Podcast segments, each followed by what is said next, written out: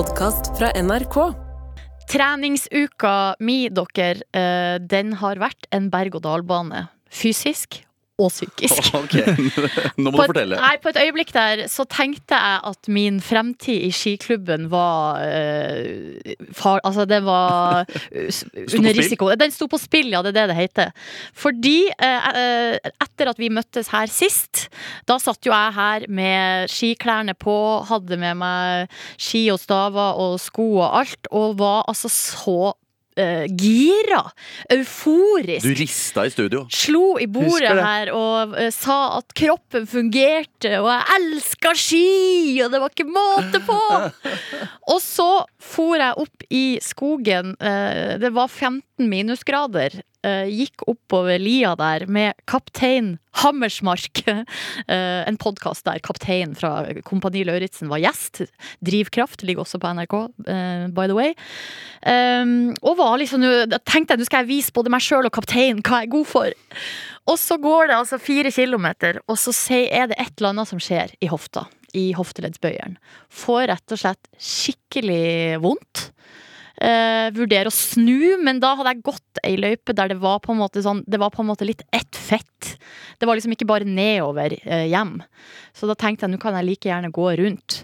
Eh, og så var det noen dager der, med, der det rett og slett var vondt å gå.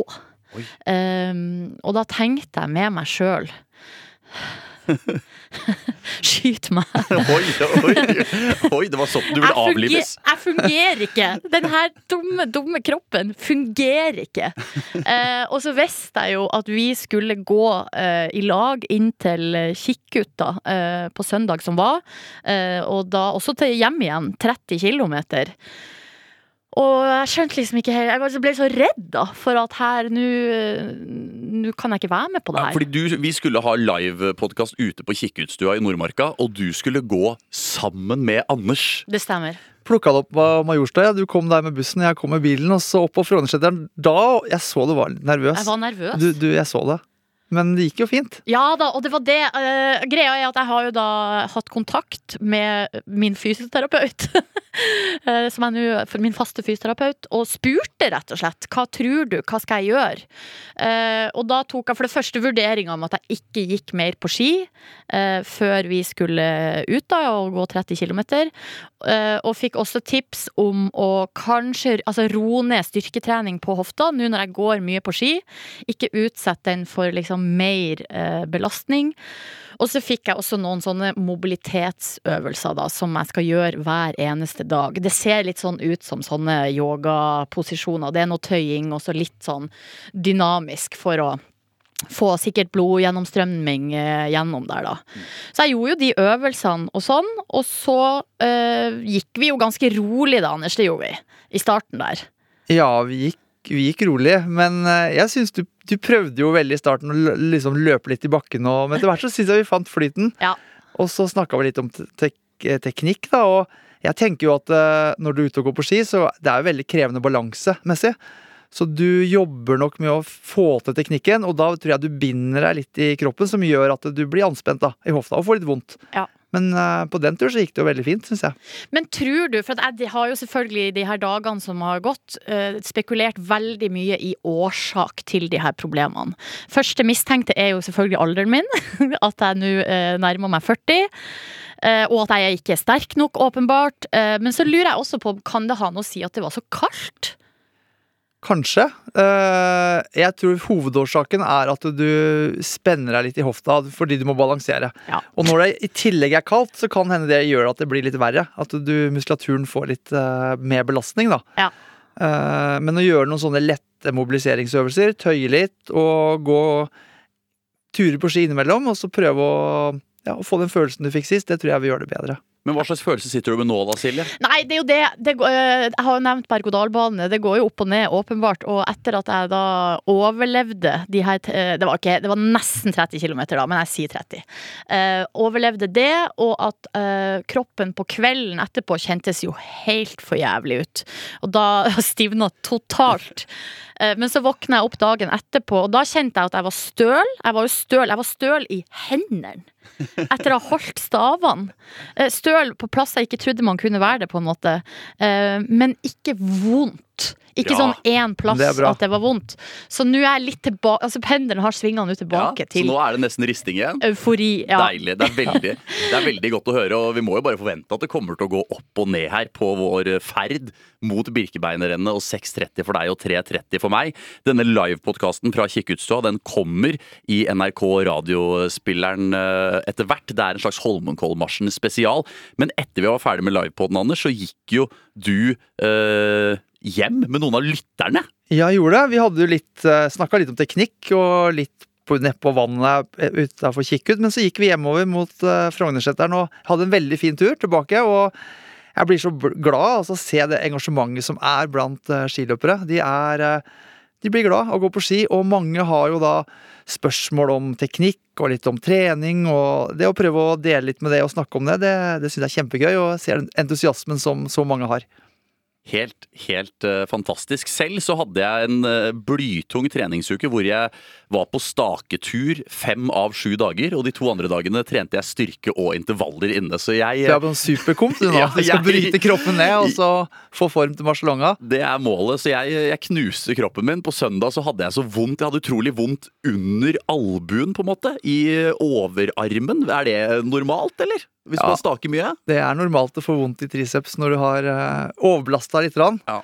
Så får håpe at du uh, kommer deg.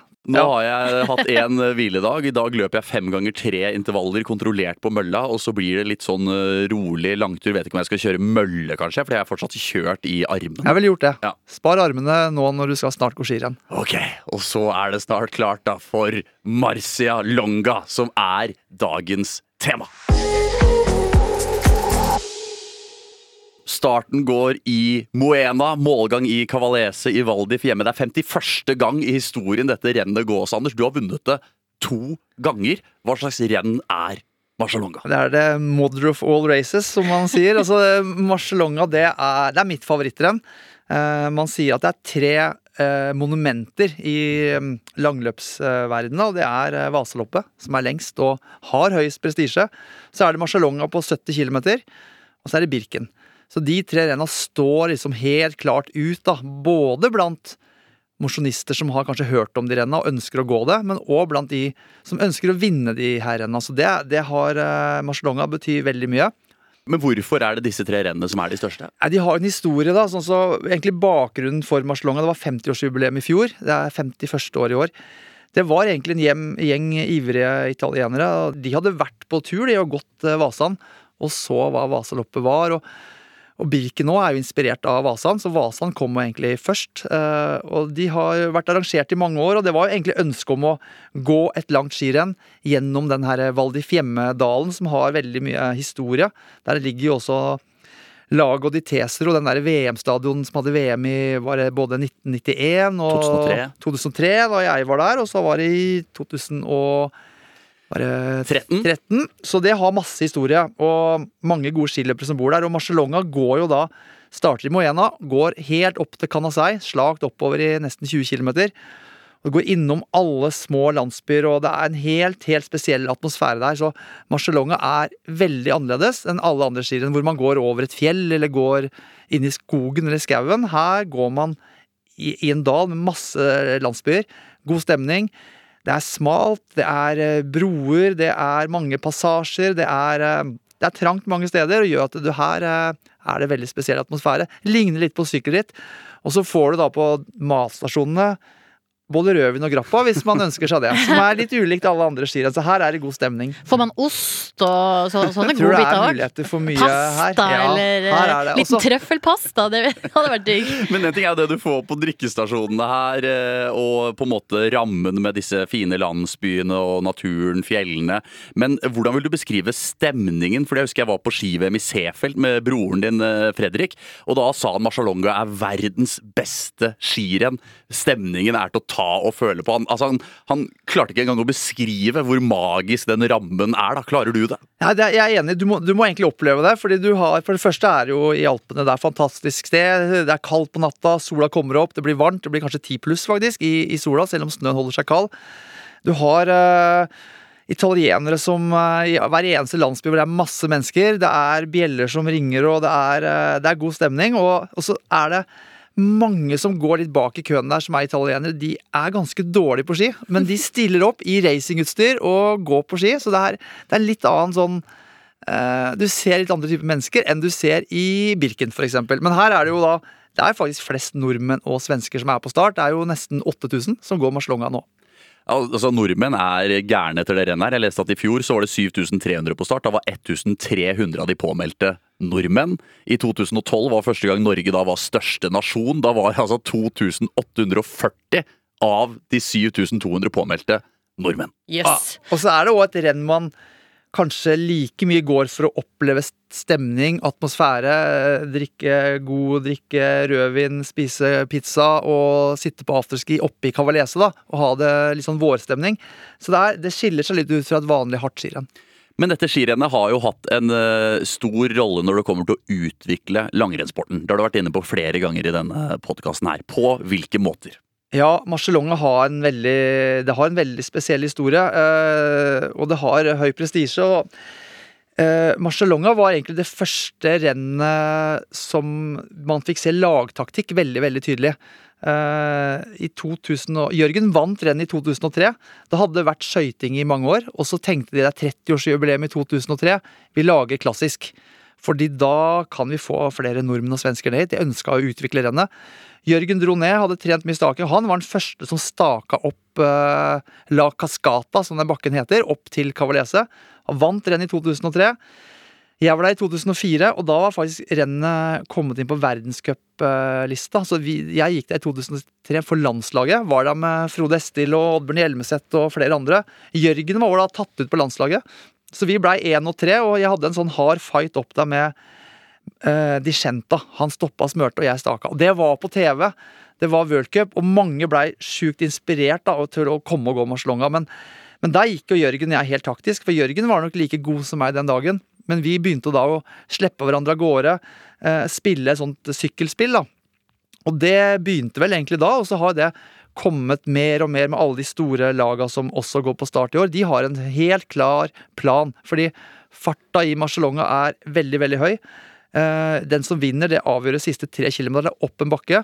Det handler veldig mye om eh, å plassere seg riktig til riktig tid, og da kan man bruke et lag. Mens mange andre skirenn så, så er det mer sånn utmattelsesgåing. Her er det mye plassering. Men er det fortsatt klassisk nå? Ja, det er det. Det er fortsatt klassisk, og det kommer det til å, det det til å være. De Ja. ser det er eh, kjempeviktig. Det er klassisk, men eh, mange staker jo. For det er et fint renn. Her igjen, en annen ting Marcelong har utvikla, det er jo staking. Eh, Det er det rennet hvor man først gikk fra å gå på litt feste under skia. Når jeg gikk Marcelonga første åra, så hadde jeg litt feste. Jeg hadde litt feste så jeg kunne klore meg opp første bakkene, for det er jo oppoverbakke i starten. Og så er det masse staking og slak nedover, og da var håpet å liksom av all smøring jeg hadde. Jeg la liksom festesmøring uten grunnmåla. Bare la litt rann under for å løpe litt i starten. hvor mange lag snakker vi da? Ja, det er, det er få lag, og veldig kort. Smørte veldig kort, så vidt det var feste, og så var det å stake etter hvert. Så testa vi jo å legge på no, rask smøring i siste bakken for å klore seg av bakken, vi fant ut staking gikk fort. Så staking blei eh, Her ble det gått på blanke ski liksom ti år før man har sett eh, blanke ski i type verdenscuprenn. da. Så det her var tidlig ute. Eh, man ser også mange, eh, mange foran i elitenfeltet i uh, Ski Classic som går med duatlonsko, altså høye sko, ankelstøtte.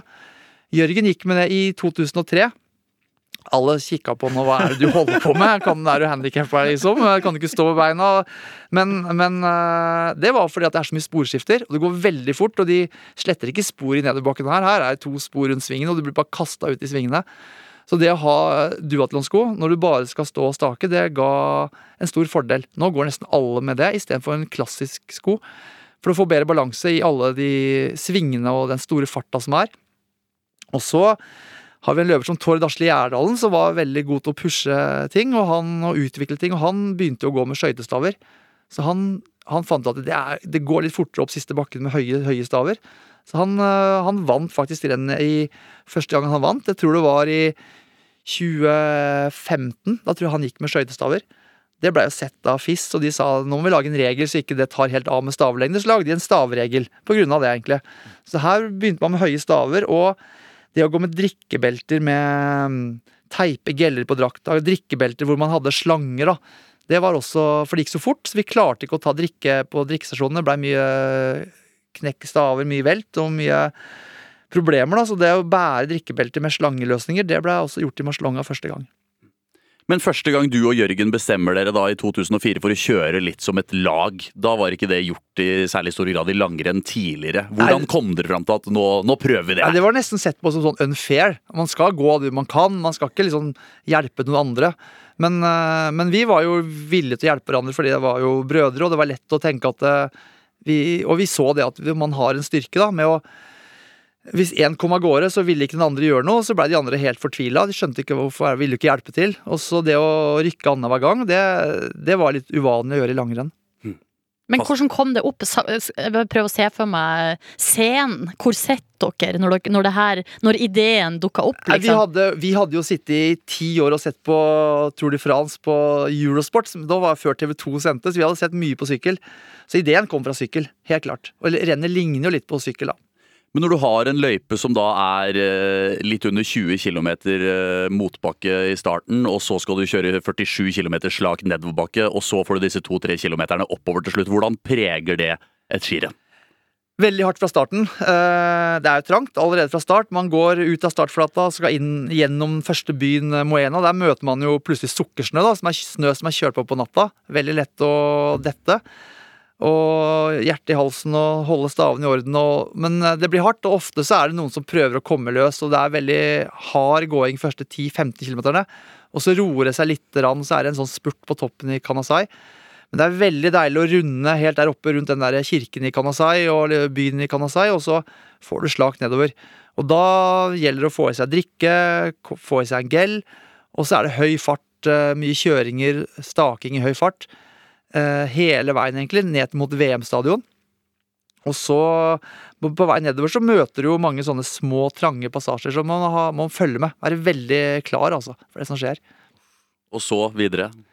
Så kommer man etter VM-stadion, så begynner egentlig posisjonskampen ned mot eh, Molina. Det er der vi som lag har bodd i alle år. Jeg tror vi har Jørgen og jeg er faktisk æresborgere av Molina, så vi, eh, så vi har fast hotell der sånn på hele året. Så er, der er vi godt kjent, og laget vårt har bodd der siden 1993.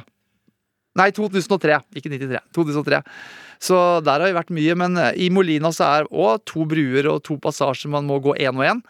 Og det fører til at eh, er man for langt bak, så havner man langt bak på rekka. Så der er det veldig Der begynner posisjonskampen, og så går det veldig fort derfra opp til eh, er kaskat, altså altså er stigningen opp til eh, Cavalese målgang begynner.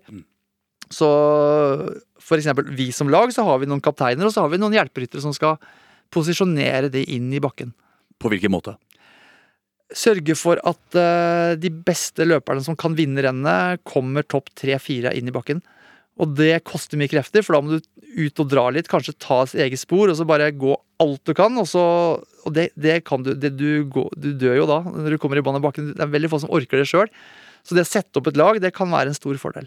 Men når dere setter opp det laget og ehm, på en måte bestemmer hvem som skal ha hvilken rolle, Ja. ehm, hvem er det som bestemmer det? Det er jo På laget vårt så er jo Jørgen og jeg, og for så vidt løperne, men det er Jørgen og jeg er jo Setter jo opp uh, hva vi tror kan være best for laget, men det er ganske tydelig. Vi har jo kapteiner på laget. og På vårt lag nå så er det Kasper Stadås som har vunnet. Han vant jo forrige renn, og han har en gule trøya. Og Andreas Nygaard. Så vi har egentlig to løpere vi tror kan vinne rennet. Og så er de andre løperne gjør en jobb egentlig for å prøve å få til det. Andre ganger så kan det være vanskelig. Da er det mer uklart hvem vi tror er best, og da kan det være litt eh, diskusjoner på forhånd hvem vi ønsker å satse på. Blir folk lei seg når de får beskjed om at du er ikke kaptein, du er hjelperytter?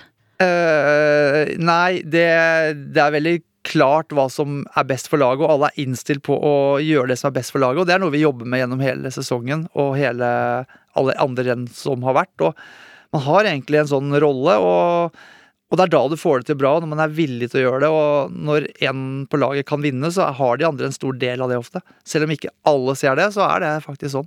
Mm. Så, men for deg, Emil, da, som skal Ja. gå nå, så, så er jo utartet rennet seg litt annerledes. For du Det blir jo hardt i starten. Og det er det for alle. Altså, det er tungt oppover de der første bakkene, og det er egentlig å komme seg opp til Kanasai. Og det er ofte kaldt, og det er i skyggen, og, men så snur du, da, og så begynner du å gå nedover dalen, og da er det gøy. Ja. Kjempegøy å gå nedover eh, hele dalen der. Hvordan vil du beskrive terrenget de første 20, og så de neste Altså hvor bratt er det oppover de første 20, hvor slakt eh, nedover er det de neste 47, og hvor bratt er de siste to-tre der? Første 20 km er slakt oppover helling, men du har kanskje tre-fire sånne kneiker eller knekkere på et par minutter som er tunge å forsere. Så det er uh, helt greit å stake hvis man har staka en del, men uh, Så det går uh, Hvis man har gått Du kommer nok til å synes det er greit å stake, men du må bruke mye krefter i de bratte bakkene. Men eh, bratt er det ikke. Men eh, når du snur, så merker du at det har gått oppover. For da går det veldig fort. Da, da, det går i 30 km hele veien nedover. Og det er veldig gøy. Men det kommer til å gå så fort at du må, liksom, du må følge med. Og det gjør at det er en veldig gøy skigåing da, nedover, eh, nedover hele dalen. Så kommer du ned mot eh, Predazzo, som er der eh, hoppbakken ligger. Og så kommer du til VM-stadion. Går en runde på VM-stadion. Ah! Det er veldig gøy. Og så begynner å bli lang i arma etter det. For da har du passert 50 km. Og da er man sliten uansett, for det har gått så fort. Så man blir på en måte tappa for krefter. Og det er en stor fordel å ligge i en, et felt, da, en gruppe. Så du må, du må ligge bak noen som går bra, ligge oppå skia, og det er litt som sykkelritt. Men det må jo bli totalt kaos når 8000 mennesker skal Ja. gå, og du sier det er steder hvor bare én kan passere i bredden? Det er jo Første start tror jeg er klokka åtte, men så er det jo sånn startpull i hvert eh, femte minutt eller noe bakover, så man har jo en type seeding i det her nå. Sånn at eh, mange opplever nok å stå litt i kø i starten, for de som ikke er sida riktig. Så nå har du, du kanskje fått en fin posisjon, men eh, hvis man ikke har gått noe renn før og ikke blir sida, så har man et problem. Så det er en fordel å, å side seg, for her står mange i kø første to-tre kilometerne. Men hva skal eh, til for å føle at man skal stake hele Marcialonga. Ikke ha noe festesmøring under skiene? Da skal du ha vært ute på en del langtur med blanke ski og kjenne at du klarer å stake motbakker òg, at det går ganske bra. Så du må, du må ha litt erfaring med å stake mye økter ute. Hvis du ikke var det, hvis du er vant til å gå med feste, så lønner det seg å ha feste i starten. Så du kan ha Tipset da, det er å ha Jeg har hørt litt oppdateringer på vær og føre. Det kommer til å bli kjempefint vær, det kommer til å bli sol, det kommer til å bli Det er kun snø i hele løypa. Det er ganske mye møkk siden det er kun snø. Det, det, når man kjører på snø i, i 70 km, så er det litt sånn rusk og småstein og sånn. Kan det være. Men eh, det ser ut til å bli klister i bånn. Altså, altså det er såpass grovkorna og litt fuktig snø, så det kan bli litt tynt med klister. Eh, kanskje sånn type eh, fiolett klister i bånn. Og så kan det bli et universalklister eller et sånt sølvklister oppå. Det ser ut til å bli det for de som smører. Og tipset er ikke, ikke smøre for langt, eh, for da får man litt bedre glid når man staker. Heller smøre kort. Det er et bra tips. Jeg staka meg jo i hjel forrige uke, eh, men jeg tror jeg hadde gått raskere med eh, feste de første 20. Men jeg skal stake for, for opplevelsen og treningen, siden det er jo Birken som er målet her. Ja, jeg tror du kommer til å synes det er ganske tøft i starten, og så kommer du til å kose deg her nedover, eh, nedover mot Molina. Og de aller fleste har jo litt fest i starten, og så blir det festet borte. Så er det bare å stake, men man kommer inn i siste stigning, da, den her eh, veien opp til Kavalese, så er det muligheter for å få lagt på smøring. Her står mange sånne smørestasjoner. Bare å legge seg bakpå og få litt eh, godt feste under skia og komme seg opp siste bakken. Og hvor bratt er den bakken? Ja, hva skal jeg sammenligne med? Altså mellom kanskje åtte Det har, det har noen sånne terpe, serpentinsvingere som er ganske bratte. Kanskje mellom 8 og 10 tenker jeg. Mm. Så den er Det er ikke veldig bratt, men eh, du er sliten når du kommer dit. Uff, ok, Men Jørgen, broren din, har vunnet fire ganger. Eh, Tord Asle Gjerdalen har vunnet tre ganger. Du har vunnet to ganger. Hilde Gjermundsvei Pedersen har vunnet to ganger. Eh, hva skal til for å vinne Marcialonga? 70 km gjør at du må ha den stayeren. Altså du må ha du må, du må være godt trent i staking. Så, og det gjør at prestisjen blir høy. Du må beherske god fart. Altså det går veldig fort. Og så er det jo motbakkestaking på slutten som gjør at det, du må ha Det er ikke sånn kondisjonsstaking, men du må ha litt punch. Altså du må ha trøkk i armene på slutten. Og god til å stake motbakke. Så mm, vinner man Marcelonga, så så er man glad for det resten av livet. Det er, eh, det er eh, som skiløper, da. Så det betyr mye. Er det noen som har vunnet de siste årene med feste? Nei, det er lenge siden. Det tror jeg er eh, Det må være helt tilbake til Jørgen Nei, jeg tror ingen har vunnet med feste siden 2000 og Jeg vant i 2004. Da hadde jeg litt feste i starten. Og det ble borte, så jeg staka i siste bakken. Men Så- damene òg går med blanke ski. Ja, de gjør det. Men eh, i, i, i en del år så hadde man litt feste som ble borte, og så bare staka man. Men nå starter man også med blanke ski. Så det er jo, Jørgen har jo vunnet rennet fire ganger og har ti ganger på pallen, så han er jo egentlig kongen av Marcelonga, mens Tord har tre. Men det er jo én stor løper som heter Maurilio di Solt, som har også fire seire.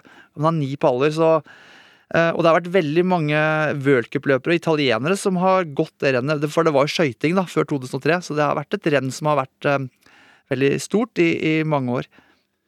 Men du, ble, du var hjelperytter nå i din siste sesong. eh, Ja. Ble nummer 37, slått av Northug på oppløpet. Dere, dere liker å spurte? Ja, jeg har gått mye sammen med han de siste to åra. Jeg har det mange renn, faktisk. Så, I fjor så starta jeg Jeg hadde én oppgave. Det var å ligge så tett Andreas Nygaard som mulig. Knakk en stav, så skulle jeg gi min stav. Eller eh, brøyte litt vei hvis det var mulighet for det. Så jeg kom meg veldig bra helt ned til jeg var gjennom siste byen, Molina. Og så døde jeg da på vei opp til bakken, men eh, det var greit. Jeg var fornøyd. at Jeg hang med så lenge. Men hvordan eh, har du lagt opp Marcialongo når det kommer til næring? Jeg har eh, Det er jo start tidlig på morgenen, så det blir jo en tynn frokost, da. Det rekker ikke å spise så mye klokka seks. Det blir to, to brødskiver med søtt pålegg, som jeg pleier å si. Sjokade. Og så er jo mørkt, og det er sånn spesiell stemning. Jeg står i Moeno der før start, og Men da har jeg gjerne et drikkebelte med sukkerdrikke, da. Og jeg spiser én gel. Før start så får jeg liksom i meg kanskje en halvliter med sportsdrikk og en gel. Rett før start. Og så har jeg med meg Jeg tipper jeg har med meg mellom fire og fem geller som jeg klemmer i meg fordelt jevnt utover løpet. Ofte så har vi um, Før så gikk vi med drikkebelter. Uh, det gjør vi som lag også i år. Og så hiver man det helt i bånn. Det er på en sånn fast stasjon vi kaster det. Eh, men jeg anbefaler å ha med mellom tre og fem geller og ta drikke på drikkestasjonene. Bortsett fra det, da, hva er tipset til eh, alle de hundrevis av nordmennene som skal nedover til Italia for å få en god opplevelse? Nei, Det er jo å reise ned dit og glede seg skikkelig til å få en spesiell skitur. Og hvis man er på VM-stadion er på lørdag formiddag, så koker det jo. Der er det mange nordmenn og svensker som er ute og tester ski. Så tipset er jo å bare stå i sola, henge og kose seg. Ikke bruke opp kreftene på å teste ski på lørdagen. Gjør mest mulig klart av ski. Hvis du har en eh, sportsbutikk eller noen som kan preppe, så lever de bort og få det gjort eh, på en bra måte. Eller eh, spar kreftene på lørdagen og kos deg, og nyt været. Det kommer til å bli fint vær. Også er det å ha med seg litt næring på lomma eller på drakta si når man går rennet. Og være forberedt for at det er 20 tunge kilometer i starten, men etter det så blir det en uh, veldig fin skitur. Hele veien til mål. Altså, jeg var jo i Seefeld da det var VM der. Var det 2019, eller? 2019, riktig. Ja, da var, da var jeg i P3 Morgen, så jeg og Ronny og Markus og, og gjengen fikk lov til å dra nedover da. Hadde studio midt på torget der. Ja, det var jo NRK Sporten sitt studio som vi fikk lov å låne på morgenen, for det var jo ingen som skulle være der mellom seks og ni. Um, og det var jo en fascinerende opplevelse. Det var jo masse drita folk der på, som var på vei hjem fra nachspiel da vi hadde sending. Det var jo litt mye nordmenn, selvfølgelig. Og apropos det, så bare lurte jeg på, for da vi kom til Seefeld, da tenkte jeg her kommer vi ned til Østerrike, liksom. Eh, da forventa man jo litt sånn tyrollerstemning. Men da vi hadde sjekka ut eh, inn på hotellet og sånn, skulle vi ned til byen og, og få oss noe mat, så hører vi altså nede fra sentrum. Da er det pinne for landet. Ja, ja. Det det går likere nå. Eh, Det var full eh, rulle der nede på torget. Eh, og da er jo jeg nysgjerrig på altså, hvordan preger det stemninga at det er mye nordmenn og svensker i Ja, det er, området? jeg kjenner meg igjen i det du sier, og det koker jo de to dagene der. Og på dagen før så er det mye spørsmål om geller og om ski, om man skal ha hvit struktur eller mediumstruktur, eller om hva man skal legge. Skal jeg stake eller skal jeg ikke stake? Og det er jo fascinerende å se, og så kommer man liksom fra kalde her oppe i Norge i januar, og så kommer man ned dit, og så er det, det er vårstemning. Det er som det er april her hjemme. Men uh, tipset er jo da å bare forberede seg best mulig med ski, og så kose seg der nede. Men når man da kommer i mål, og så står på den der plazaen på torvet i Cavalese, der er det mye nordmenn. Og der er det god stemning. Og mange får seg litt uh, godt å drikke der på en afterskien, som gjør at de kan ha Jeg har sett folk blitt båret inn på hotellet i, i godt voksen alder. Uh, Og ikke fordi de har slitt seg ut i skiene. Nei, de har eh, Men det er jo en sånn stor pizzarestaurant på torvet der, og der veit jeg han sjefen, sponsorsjefen på laget vårt, Edgar Haugen, han har jo da han var så glad, han har hele stedet der, så han kjøpte et sånt svært stereoanlegg som han bare har satt igjen på det der stedet. Så det har sånn fast anlegg, han som står og venter på han. God stemning. Så det er Og da bare er det nå Freddy Kalas og ja, det gode er, det er god stemning der. Så det er, du hører mye nordmenn i området, men jeg syns jo det er så Det er veldig mange som ønsker å gå Marslonga, som bare går Marslonga. og Det, det skjønner jeg, for det har en spesiell atmosfære. Og din rolle der i år? Jeg kommer til å teste ski. Eh, Da er jeg oppe, sitter sånn alerten da, på natta og hopper ut eh, sammen med et par andre testere hvis det forandrer seg i vær og føre. Og da tester vi først løpeski, hvilken type ski vi skal gå for. Jeg tester struktur, om det er medium med rill eller fin med rill, eller hvordan struktur vi går på. Og type produkt, da. Under rennet så kommer jeg til å sitte i en av bilene og hoppe innom løypa der jeg kan, for å ha service på drikke, service på staver. Og så har vi jo mange av de eh, sponsorene av laget som også går, og det er veldig gøy å hjelpe de litt den helga.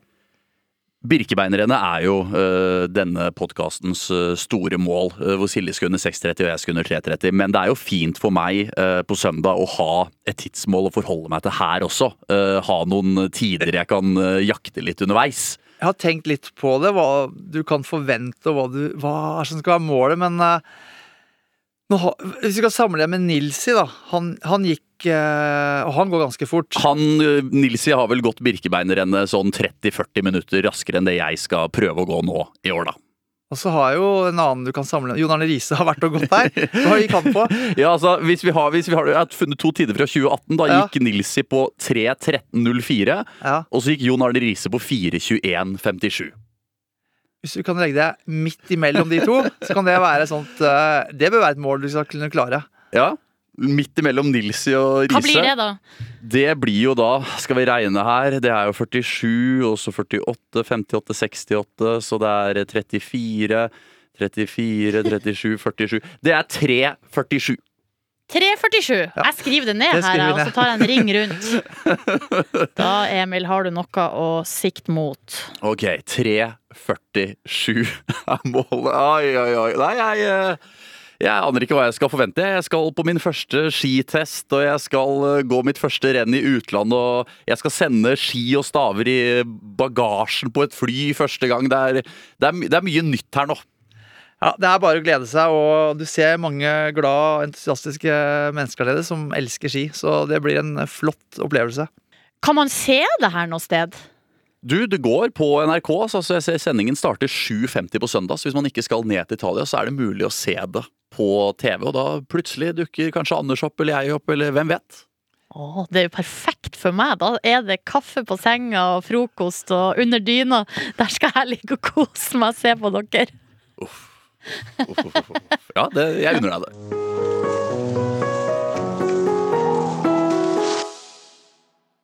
Det er jo så enormt hyggelig å være ute i eh, skogen nå og møte folk. Dere som hører på. Det, de må bare oppfordre alle til, og det er mange som gjør det allerede, til å si hei. Og fortelle om du er med i klubben eller, eller ikke. Det er megahyggelig. Eh, og så blir det jo også litt sånn tilbakemeldinger på sosiale medier, og nå eh, var det jo litt eh, eh, publisering på søndagen da, da vi var på skitur sammen. Og da har det blant annet dukka opp en slags, la oss kalle det en debatt, om mine staver er for kort. Okay. Eh, fordi Anders la ut da en video av Teknikkfilm. av at jeg staka. Eh, og da har både jeg og du, Anders, fått meldinger om at stavene mine er for kort. Så da kan jeg bare nå si jeg er 1,67 høy, og stavene er 1,40. Hva er dommen, ekspert Aukland? Jeg syns stavene dine er litt korte hvis du skulle gått mye staking. Og hvis du hadde vært en løper som likte å stake, og staka mye. Eh, Men du går stort sett diagonal, og jeg tror det passer deg bra å gå diagonal med. Det er litt lettere å gå diagonal med korte staver, så jeg syns du kan fortsette å gå med det, sånn som du går på ski nå. Ok. Da, eh, det er jeg glad for å høre, for jeg, jeg kan ikke kjøpe noe mer nytt utstyr nå. Det går ikke. Og så I tillegg til det så, så la jo jeg ut en video da av eh, deg, Anders. Og så er det en eh, som er lytter av podkasten, som litt sånn artig kaller seg for Bakkesliteren på Instagram, som sendte meg melding der det står Har han sekken din? Ok! Uh, og da, altså, har, an, har, bær Anders sekken din? Og svaret på det er ja. Å ja, det var det, ja.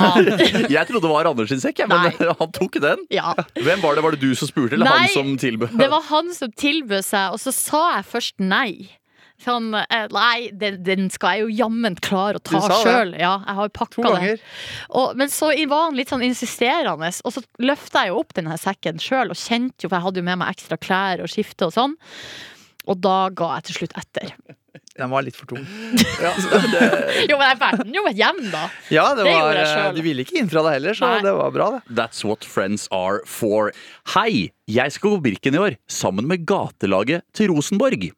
Gatelaget til RBK er et lavterskeltilbud for absolutt alle som primært er et fotballag.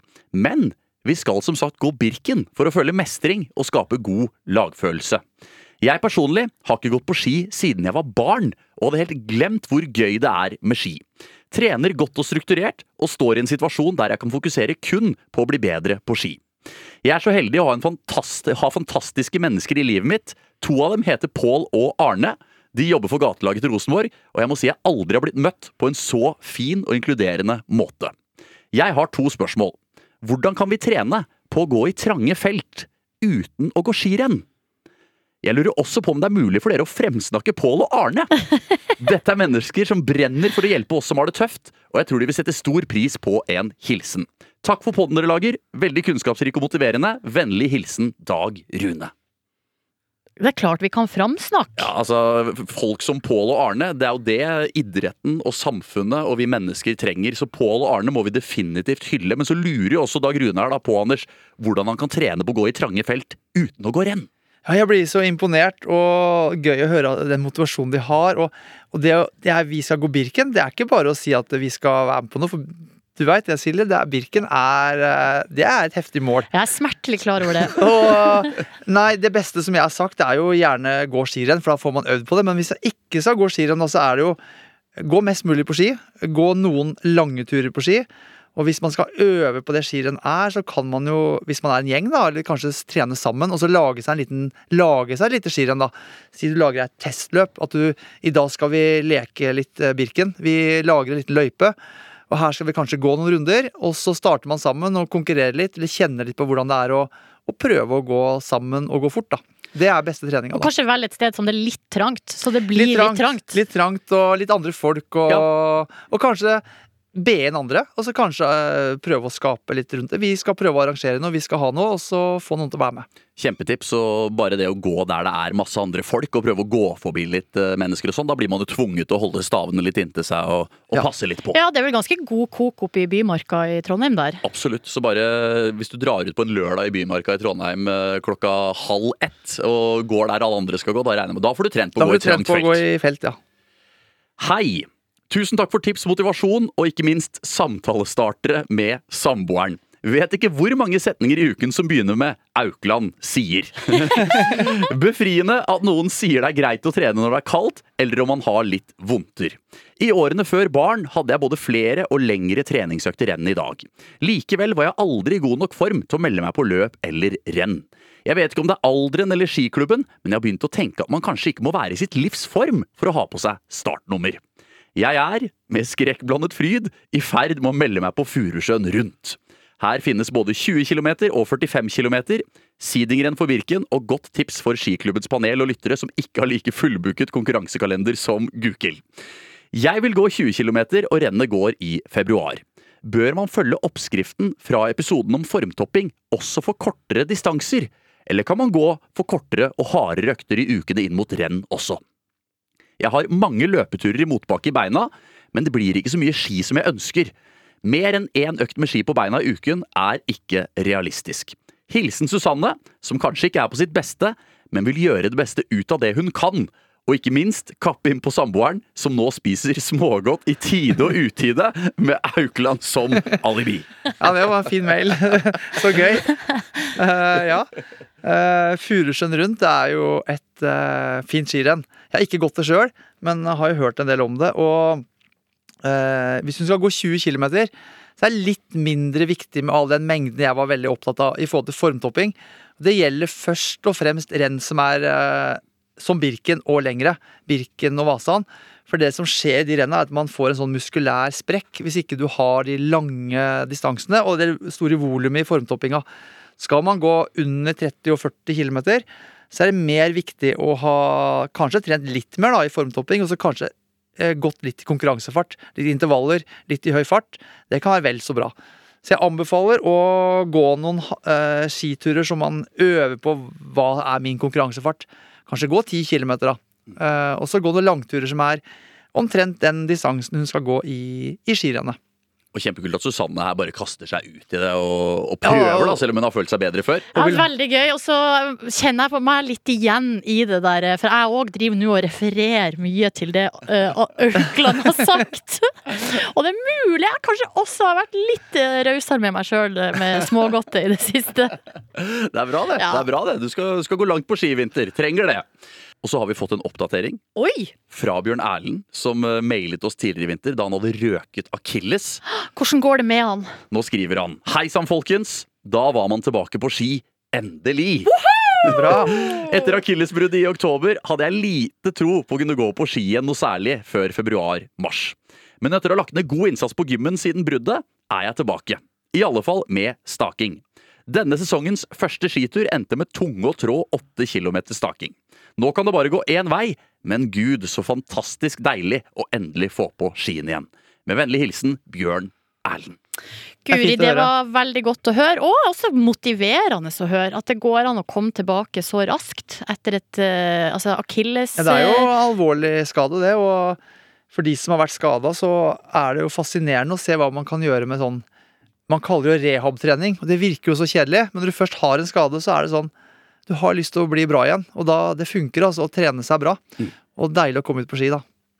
Og dere, apropos Marcelonga, så har vi også fått en mail fra uh, Lukas som spør skal dere gå Marcelonga Bodø. Og da Ah. ble jeg litt sånn svar skyldig. Det her er jo i mitt nabolag, hvis man kan si det sånn. Jeg, eh, det er jo tre timer å kjøre fra Ja, fra Hamarøy til Bodø, og det er et steinkast i nordnorsk sammenheng. Nei, Det er rett og slett eh, noe nytt. Marcialonga Arctic Ski Race eh, skal være en del av Ski Classics 9. mars. Eh, 42 km og 20 km for voksne, og så er det egne ungdomsklasser, da. Eh, så det blir det skal ikke, jeg, skal ikke gå det i år, jeg kan ikke gjøre det ei uke før, før Birken. Men eh, det frister jo veldig. Det altså start og målgang i Bodø sentrum. Oi. Uh, og så eh, inn i det eksisterende løypenettet, og det er jo utrolig vakkert rundt der. Ja, Det høres jo kjempegøy ut. og Det er jo sånn, det er gøy når Marcelonga har en, en samarbeidspartner da, i Norge og har et sånn søsterarrangement, blir det ikke det? Mm. Og Det fins jo vaselopp i Kina, blant annet. Det fins Birkebeineren i USA. Så det er bra. Det bør man få med seg hvis man har muligheten. En Absolutt. god anbefaling til alle lyttere i eh, Nord-Norge. Og så en mail fra Stine. Hei sann! For øyeblikket er jeg i England, hvor jeg studerer, men elsker å høre på podkasten deres mens jeg trener roing og savner Nordmarka. En som også elsker podkasten, er kjæresten min, som har blitt komplett trenings, særlig skigæren, etter å ha vært med på noen treningsturer for å imponere meg i starten av forholdet. En dag kom han og fortalte meg at han skulle gå Birken, og i den forbindelse har jeg et spørsmål. Kan han gå på felleski, eller bør han prøve seg med vanlig ski og smøre selv? Selv gikk jeg på felleski i min tid, men men på det tidspunktet jeg gikk, var føret så dårlig at jeg ikke tror de hadde noe å si. Hilsen og løypenikk fra Stine. Hva sier du, Aukland? Ja, det er gøy å bli motivert, og, og man kan kanskje imponere med trening. Kanskje det har funka bra, men eh, Birken Jeg ville valgt eh, å si smør skia. Det er alltid bedre enn en felleski. Felleski er lettere. Så kommer det an på hvor mye innsats og mye du har legger i det, da. Men hvis man kan skaffe seg et par eh, gode klasseski og få enten smøre sjøl eller få noen som kan hjelpe deg, eller ta noen tips, så får du bedre ski enn å gå på felleski. Men på trening så er jo felleski veldig, veldig bra for de aller fleste. Men hvis man ikke har råd, eller altså det er liksom ikke helt krise Nei. Det er mange som går Birken på felleski, så hvis du tenker at de ti minuttene du kan gå fortere med eller uten felleski, eller det har ikke så mye å si, helt greit å gå på felleski. Man går jo mange treningsturer på det, så det går greit. Men hvis man er opptatt av å ha det beste, så ville jeg valgt smøring. Apropos det, så fikk vi Nå husker jeg ikke hvem det var, men det var en som sendte egentlig tips til meg og deg, da, Emil, som har trent mye med felleski, at vi burde også trene med smøreski, fordi det er litt annerledes. Ja, Altså akkurat eh, at på en måte try, eh, trykket blir litt annerledes, at du må legge trykket litt uh... ja det er sant, det, altså. Fordi det, det kan Noen ganger på felleski så er det lett å få feste. Og det å, å smøre Men det, skal være lett å få feste på smørte ski òg, hvis det er gjort riktig.